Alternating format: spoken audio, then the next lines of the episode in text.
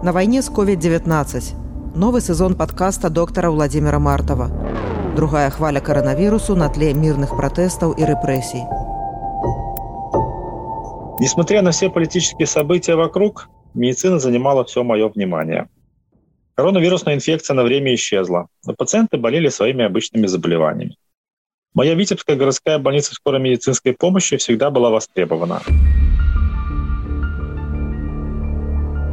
Добрый день.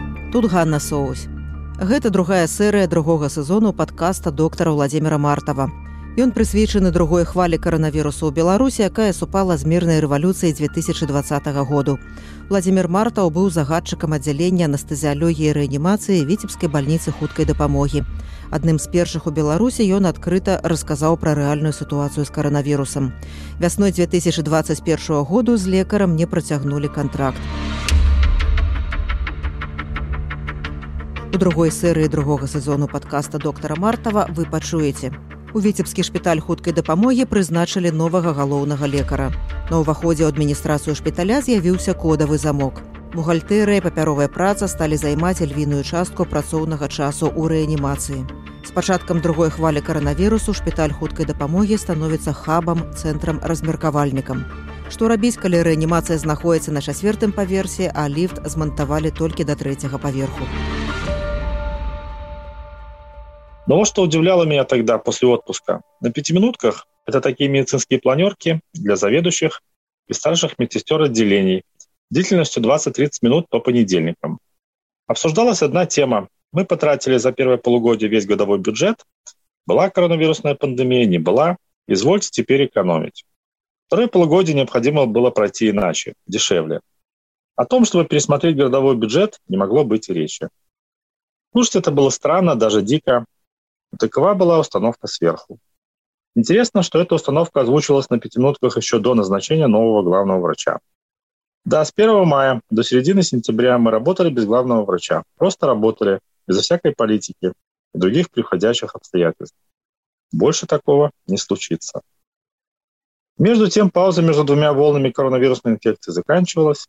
В начале сентября начался новый подъем инфекции.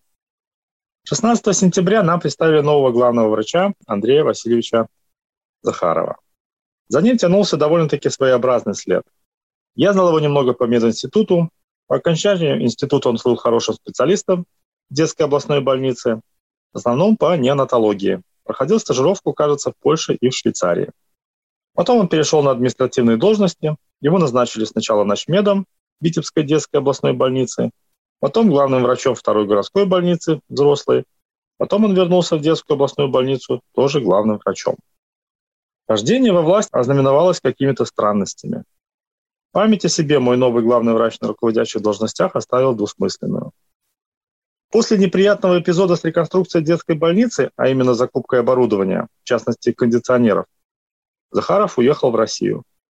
Десять лет он отработал в Псковской области, Вместе с ним в одном вагоне уехали еще несколько витебских медицинских начальников. Это, кстати, не говорит об их виновности, но этот их отъезд, который медицинская общественность расценила как бегство, любопытен. И вот теперь, кто его выдернул спустя 10 лет из России? Зачем? То есть информации о прежнем Захарове у нас было достаточно. Значит, она была и у других. Ладно. Нам-то что? Нам работать нужно. Поднимала голову вторая волна коронавирусной инфекции и совместная работа началась. Первым делом Захаров стал вызывать всех руководителей подразделений для беседы. Вызвал меня. Тон разговора был очень благожелательным. Я рассказал о структуре своего большого отделения анестезиологии и реанимации, рассказал об имеющихся проблемах. Во-первых, старое оборудование. Мы получили все наше дыхательное оборудование одномоментно 15 лет назад. Во-вторых, кадровая проблема. Перспективные коллеги уезжают из страны или готовятся уехать от чего пропадает конкуренция. По сути, отсутствует отбор кадров, в том числе сестринских. Отдельно я отметил проблему с холодом в операционном блоке зимой.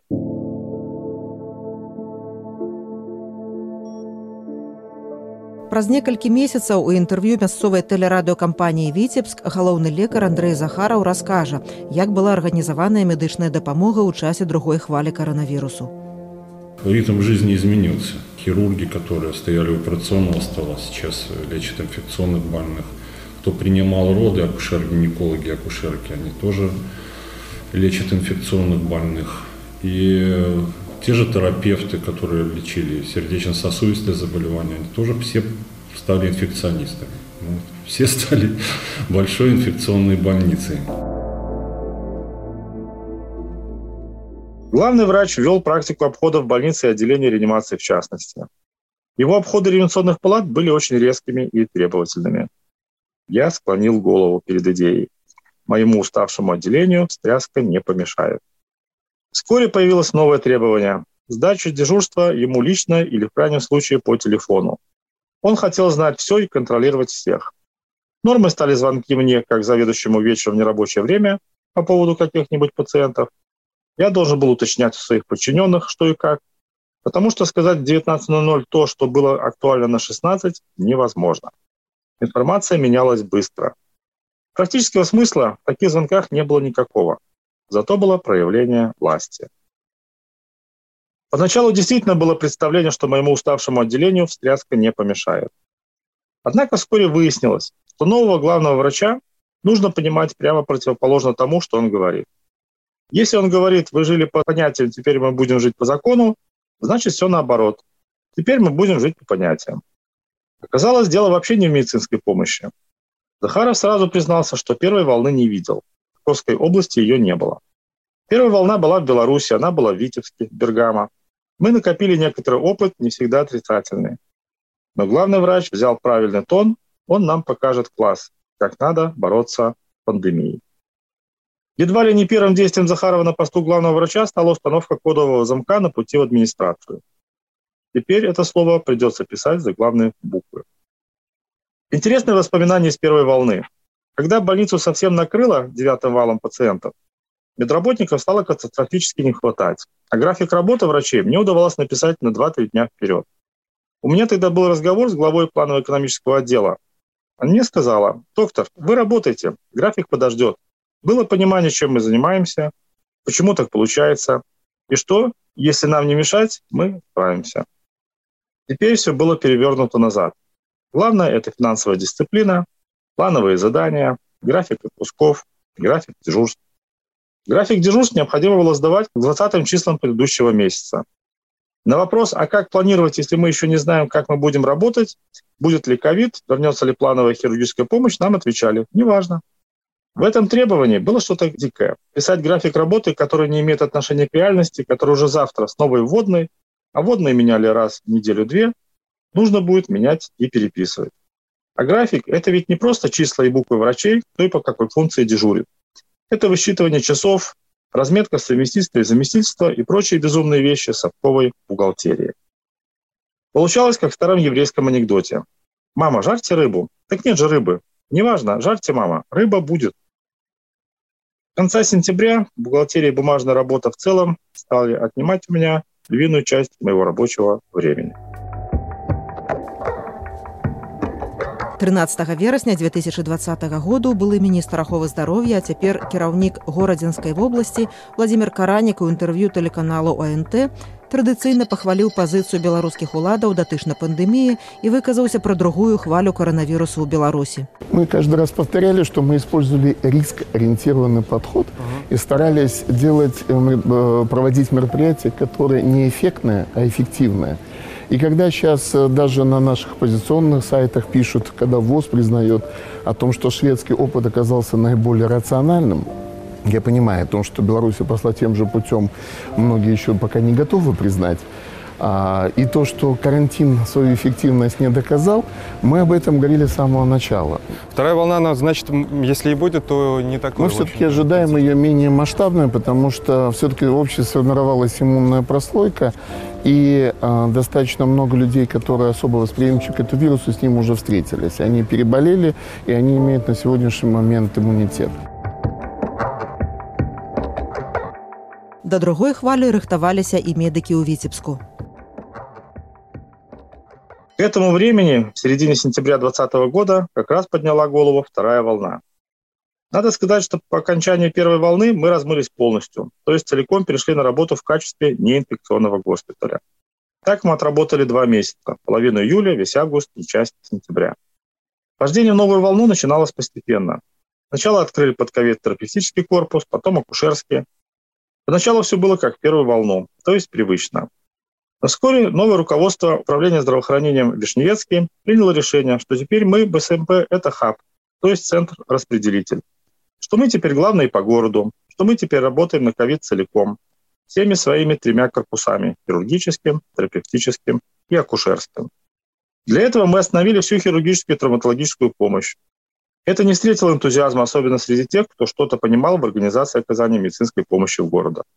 Но кто же кого слушал? Как и в первую волну, совершенно непонятно, кто принимает решение, с кем он при этом советуется.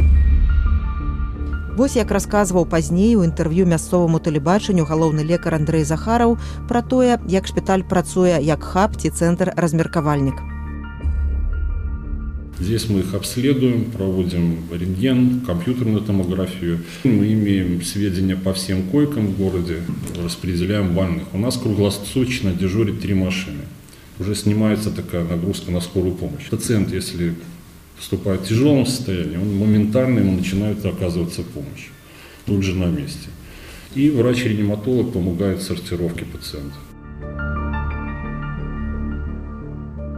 А доктор Мартаў фармулюе праблему наступным чынам. Тут ведь в чем вопрос? Вот в городе Витебске до ковида оказывалась медицинская помощь. Аппендициты, острые холециститы, кишечная непроходимость, ущемленные грыжи, и так далее, оперировались у меня в больнице скорой помощи. Это что касается общей хирургии. Для этого были выделены силы и средства. Больница часто работала на пределе возможностей. Панкреатиты, психозы, бомжи. А была еще экстренная и плановая травматология. Была экстренная терапия, городское лор-отделение. Областная больница занималась другой медицинской помощью, совсем другой, и всем хватало работы. И вдруг нас, БСМП, целиком закрыли для всего, кроме ковида. И теперь помощь, которую оказывала БСМП, Теперь эта помощь целиком легла на областную больницу поверх того, чем она уже занималась. А куда же делась помощь, которой они занимались до этого? Надо понимать, что ковид – это нагрузка на систему здравоохранения сверх той нагрузки, которая уже лежала на этой системе. И решать проблему теми же силами, на тех же койках, тем же персоналом не факт, что правильно. Так или иначе, наше приемное отделение теперь общее, не разделенное, как первую волну на чистую и грязную – Теперь принимала всех температурящих пациентов со словом «острая респираторная вирусная инфекция» со всего города и окружающих районов. Обычно человек 200 в сутки. Доходило до 280-290. Уже в приемном отделении в специальной палате начинали лечение самых тяжелых пациентов. Нуждающимся давали кислород. В палате приемного отделения были две кислородные точки. А потом пациенты после обследования, в основном после выполнения КТ легких и с уже установленным диагнозом, ехали в другие больницы – железнодорожную, первую или вторую городскую больницу. Или оставались у нас. У нас оставались самые тяжелые пациенты, потому что транспортировать их было нельзя. Мы вернемся да аповеду доктара Мартава неўзабаве. У сярэдзіне верасня 2020 году стала вядома, што ўлады Беларусі не змаглі дамовіцца з міжнародным валютным фондам аб фінансавай падтрымцы у сувязі з пагаршэннем глобальнай эканамічнай сітуацыі пандэміі каранавірусу. Афіцыйны прадстаўнік МВФ Джерry Райс тады патлумачыў, што пагаднення дасягнута не было з прычыны істотных рознагалосяў адносна належных мераў рэагавання. Мінск прасіў блізу аднаго мільярда даляраў на барацьбу з наступствамі каранавірусу. Кіраўніцтва МВФ неаднаразова адзначала, што падыходы беларускіх уладаў да праблемы не адпавядаюць існым выклікам. І без выканання папярэдніх умоваў у МВФ не знайшлі падставаў, каб выдаць крэдыт. А мы вяртаемся ў Витебск. Огромные проблемы возникали тогда, когда выходил из строя наш аппарат КТ. За второй волной это происходило несколько раз. В этих случаях приходилось привлекать дополнительные силы, дополнительные водители специальных машин скорой помощи, сопровождающий персонал. Пациентов возили на КТ-исследования в другие медучреждения, диагностический центр или детскую областную больницу. На это тратили много времени. Отвести, привести, получить результаты, ничего не перепутать. Время ожидания пациентов на этапах диагностики достигало совсем неприличных величин – до 7 часов. Можно ли было организовать все иначе? Для ответа на этот вопрос нужно обладать полной информацией о состоянии стационаров города Витебска, почный фонд, число кислородных точек, другие важные данные. Но кое о чем судить можно. Известная история 2021 года. когда тоже областное управление здравоохранения с теми же начальниками номиновало несчастный тубдиспансер пульмонологическим центром. Минздрав помог с закупкой и монтированием нового аппарата КТ. На открытие приезжал министр Пеневич. Но вот отделение реанимации этого важного центра расположили на четвертом этаже. Лифта в этом здании отродясь не было. И к открытию центра лифт смонтировали, как и обещало высокое начальство, но только полугрузовой для развоза пищи и только до третьего этажа. Пациентов в отделение реанимации из приемного покоя доставляли грузчики. Боюсь, доставляют по лестнице до сих пор. Ясно, что ни один начальник ножками это здание не обходил. Никто из начальников логистику доставки пациентов в тяжелом состоянии из приемного покоя в реанимацию не проверял. Да и зачем им это? Эту логистику выявила очередная министерская комиссия спустя год. И это ничего не поменяло. Предполагаю, что решение, что наша больница скорой помощи – это хаб и другие логистические решения про маршрутизацию и госпитализацию пациентов с коронавирусной инфекцией принимались таким же образом. И точно зная, что мы старшие товарищи, главные специалисты облздрава, в принятии этого решения не участвовали. У наступнай серыі другога сезону падкаста доктара Мартава вы пачуеце. Пачатак вакцынацыі. Доктар Мартаў вырашыў не рабіць прышчэпку расійскім спутнікам. Палітыка ў кавіднай зоне. Мукавозчык называе доктара Мартава здраднікам беларускага народу. Рэанімацыю радзільні перапрафілююць пад ковід. Адсутнасць перамогаў вядзе да дэмаралізацыі. Пачынаюцца перабоі з падачай кіслароду.